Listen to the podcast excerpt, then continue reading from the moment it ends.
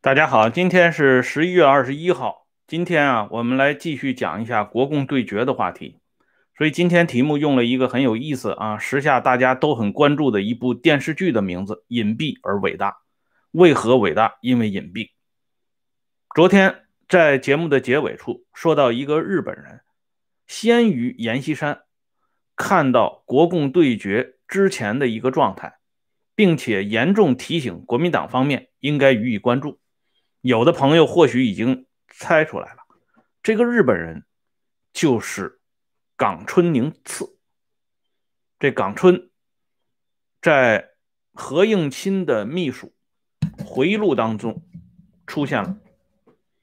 当时的情况，据何应钦的秘书汪先生回忆，这个汪先生的回忆呢是出现在台北，他的这本回忆录叫《汪敬旭先生访谈录》。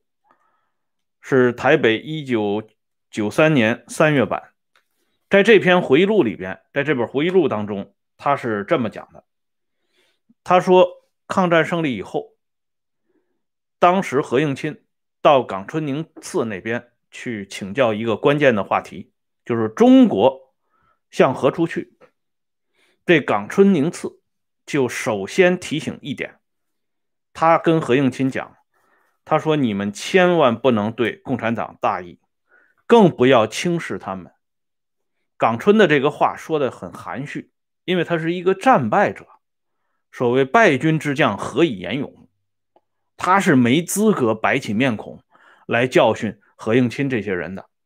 相反，他是从这么多年跟共产党打交道的经验当中，非常含蓄的说出这番话。千万不要大意，千万不要轻视他们。那个时候的国民政府，在今天很多年轻人是没有概念的，可以用“如日中天、势宝马腾”这八个字来形容。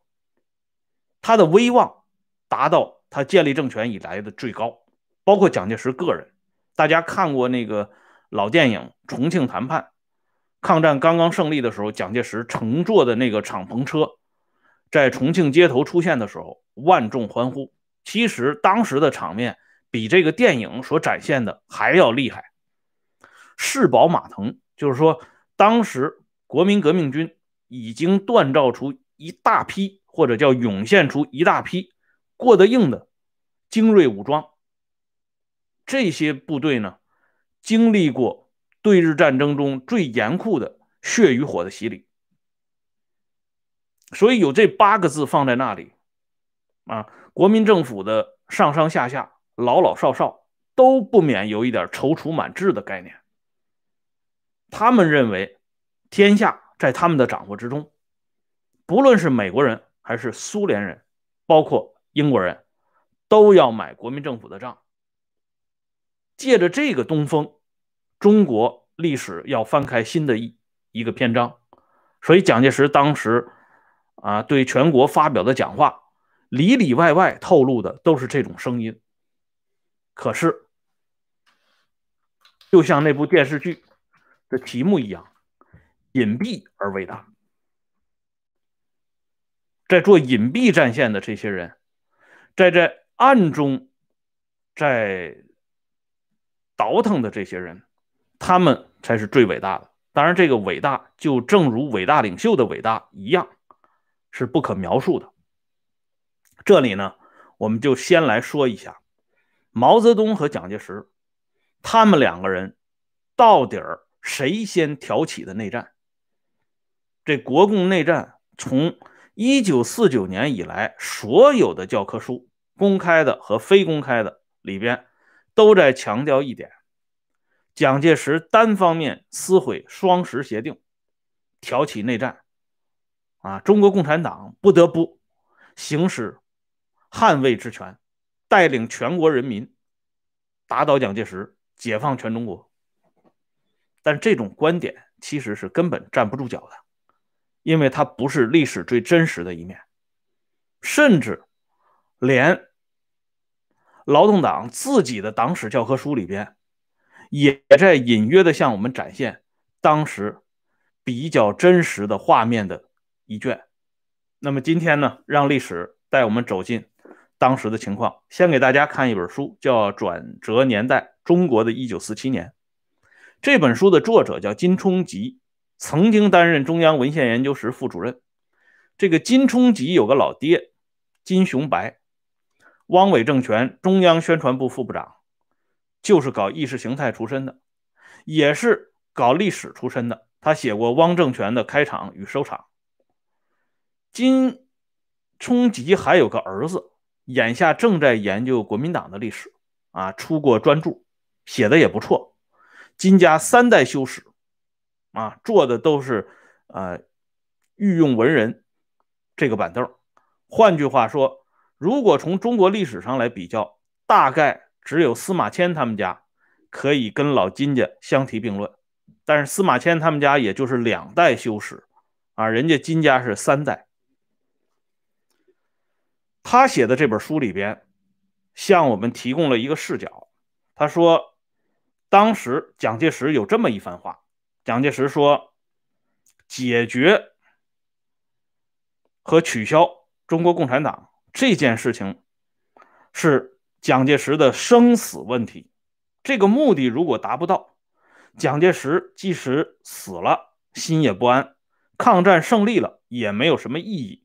所以讲的这个意见，就讲自己来言，他是到死都不会改变的。”这番话实际上是一直以来在宣传国共内战过程当中最重要的一个旁证，因为这是蒋介石自己发出的心声，所以就是说，蒋介石图谋铲除毛泽东他们这些人，可以说是蓄谋已久的阴谋。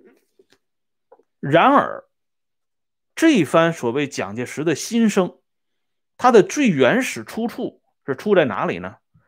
既不是 出现在国民政府的相关的文件、文告和档案资料当中，也不是出现在国民党中央党史委员会为蒋介石身后编撰的先总统蒋公的思想言论总集当中，而是出现在中共中央文件选集第十一卷，中央党史出版社一九八六年十二月版的第六页上边。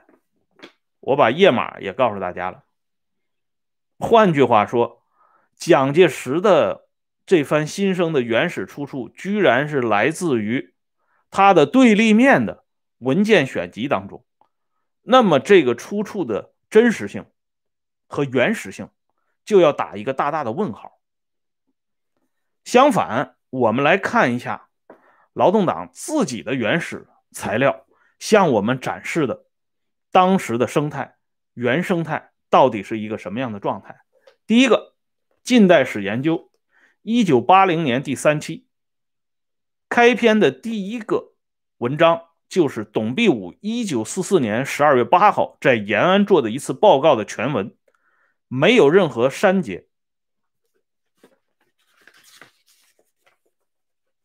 抗日战争时期国民党统治区的情况。又叫大后方的一点情况的报告，啊，这是董必武的原文讲话。还有一个就是杨奎松先生出版的《中间地带的革命》这本书里边转引了两处原始资料，显示当时毛泽东等中央高层对接下来如何大打出手有一个总体的部署。这个时间很有意思。我们先来看董必武的观察。我们知道啊，周恩来、董必武一直是在国统区，在重庆领导隐蔽战线斗争，用隐蔽而伟大来形容这两位高手，并不为过啊。你像这电视剧《隐蔽而伟大》第十三集里边，这个二处处长夏继成口中的所谓老师，指的大概率也是周董。这么两位人，啊，董必武回到延安，在十二月八号这一天做了长达几万字的报告，向大家大面积的宣泄了国民党政权在抗日战争时期非常真实的情况。当然，这种真实首先是出自于董必武所在的这个团伙，他的根本利益。即便是这样，通过董必武的视角和已经既定的政治方针来看，有一件事情也非常值得关注，那就是说，包括董必武在内的毛泽东、周恩来等一系列的高层的人士，已经通过这些活生生的事例当中，一眼看穿了国民党的弱点。也正是这个弱点，让他们最终动了心思了。决定把他们已经研究多日的复案整体推出来，并且向全党做一个全局性的预备总动员令。董必武的这番讲话绝不仅仅的是向大家介绍国民党政权的情况，而是一个预备总动员令。说白了，就是宣战宣言的前身。当然，宣战宣言是要由毛泽东来公开讲的。董必武的这番讲话里，第一条强调蒋介石政权是一个反动政权。为什么反动政权？最重要的一点，蒋介石要搞个人独裁。这个具体的例子就是蒋介石兼任很多很多职务，不仅是国民政府主席、军事委员会委员长、国民党总裁。甚至连四川省政府主席、中央大学校长、全国童子军总司令这样的职务，他也要兼任。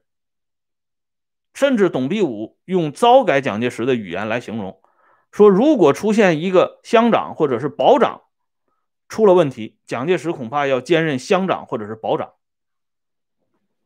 现场欢声雷动，一片笑声。但是在这欢声雷动和一片笑声当中，我们说，整个延安城，或者说出现在延安大礼堂里的这些人，没有一个人是有脑子的人。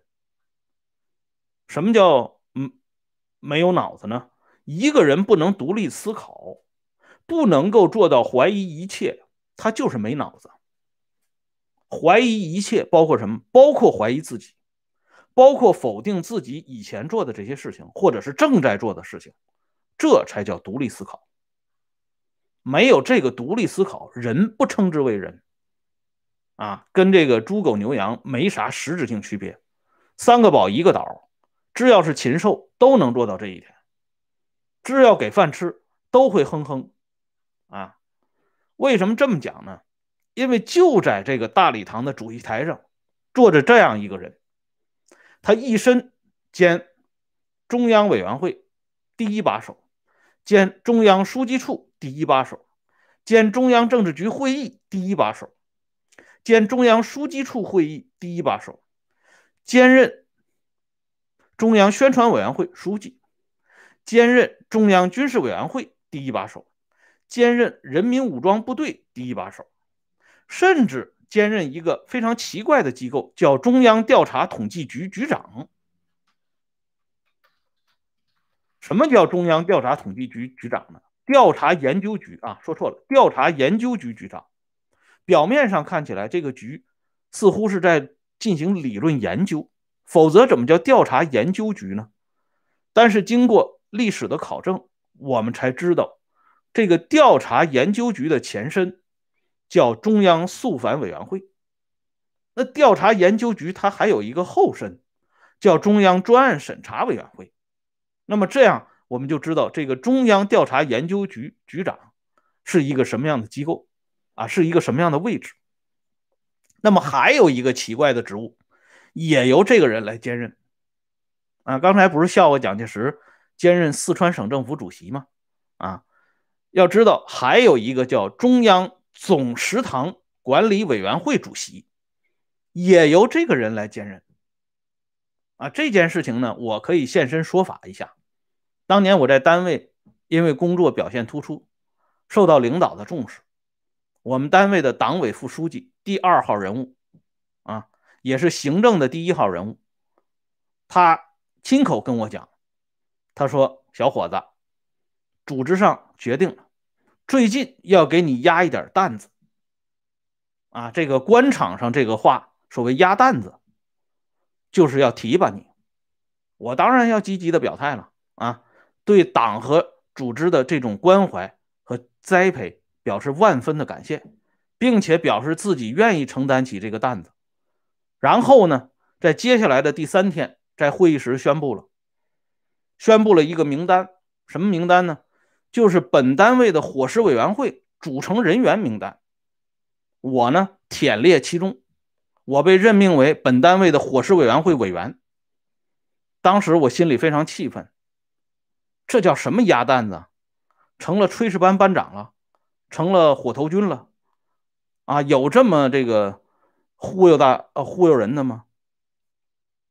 所以呢，咱们这党委副书记看到我闷闷不乐的神情，那时候装的不像啊，所以一下子就让人家给看出来了。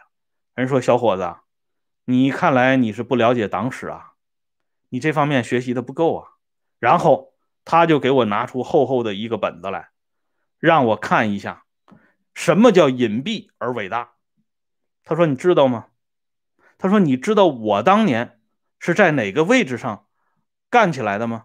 我说：“不知道。”他说：“我就是在中央办公厅伙食委员会委员的这个位置上干起来的。”他说：“你不要小看这个伙食委员会委员。”他说：“这是我们党的传统啊。”然后就噼里啪啦的讲了一大堆，最终提出这个关键性人物。他说：“你知道他老人家吗？他老人家在延安的时候就兼过总食堂管理委员会主席呀。所以你怎么敢小看伙食委员会这么个名头呢？正是由于他的开导。”啊，让我对党史产生了浓厚的兴趣。在这浓厚的兴趣之后，我才发现这个伙食委员会，包括所谓总食堂管理委员会，其实是中央俱乐部的代名词。这个委员会所涵盖的，绝不仅仅是管大家吃饭，同时管大家一切的生活。啊，包括最主要的生活。跳舞，啊，这是中央领导同志们最喜欢的一项活动，包括其他的公开的、隐蔽的一切的生活，这就叫总食堂管理委员会，这就叫伙食委员会。等后来我进入到这个伙食委员会里边，我才知道，原来它是机关党委的另外一种说法，啊。就是说，党史这个东西真的是博大而精深，啊，而它这里边涉及的很多机构，真的是隐蔽而伟大。那么，体现隐蔽而伟大的还有一点，那就是说，董必武在这个报告里边专门提到一句话，他提到什么呢？他说，国民党现在关于新闻检查这个方面，这尺度。有所放宽。原来在抗日战争期间，他有一个非常强硬的规定。可是现在呢，他提出来了。他说，如果出版的书籍、杂志、报刊等不涉及国防、军事、政治、外交的，可以不必事先送检，啊，不必事先送给国民政府有关部门来检查。而之前是连自然科学、历史、哲学之类的都要来送检的，这是一个重要的环节，被董必武发现了。所以董必武说了这么一句话，他说：“我们采取各种方法突破它的限制，所以在新华日报上披露了不少的东西，这就是国民党检查制度中的放宽尺度。说白了就是。”钻空子。那么，对于这个在新闻检查当中如何钻空子，我们知道陈云这位无产阶级革命家曾经有过一个著名的说法。他说什么呢？他说：“不要搞新闻法，因为我们当年就是利用国民党政府颁布的新闻法，钻了他很多的空子。”只要是法律条文，它就一定不会是完完全全完整的，完完全全周密的，它就一定会有漏洞可以寻找，所以我们不能搞新闻法。我们搞了新闻法，肯定是让对立面找到漏洞，那不行。他们用我们的法来对付我们，那是绝对不可以的。所以，我们再来看李锐当年毛描述毛泽东的治理手段，就在“法在不可见，道在不可知”。我不会轻易公布什么法，但是只要你犯到我手里，我一张嘴就是王法。我一张嘴就可以办你，哎，只不过呢，这个话由陈云说了出来。那这里呢，我给大家举一个非常有意思的例子：王光美在一九六七年十一月二号啊，十一月二十号被抓进秦城监狱，他的监狱编号是六七幺三零。他进到监狱以后，因为他以前从来没做过。党和人民的监狱，他不知道这里边的厉害之处。一开一开始是不给看报纸的，什么报纸，包括《人民日报》都不给看。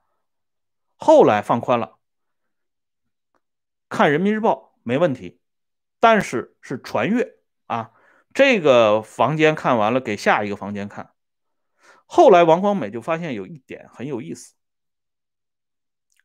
他发现一点非常。神奇的现象，这才让王光美一下子意识到刘少奇当年跟他说过的一句话。刘少奇说过什么话呢？咱们明天接着说。感谢朋友们上来收看啊！下边呢，我把这个温相说时政会员频道的链接给大家发一下，感兴趣的朋友可以参加这个频道，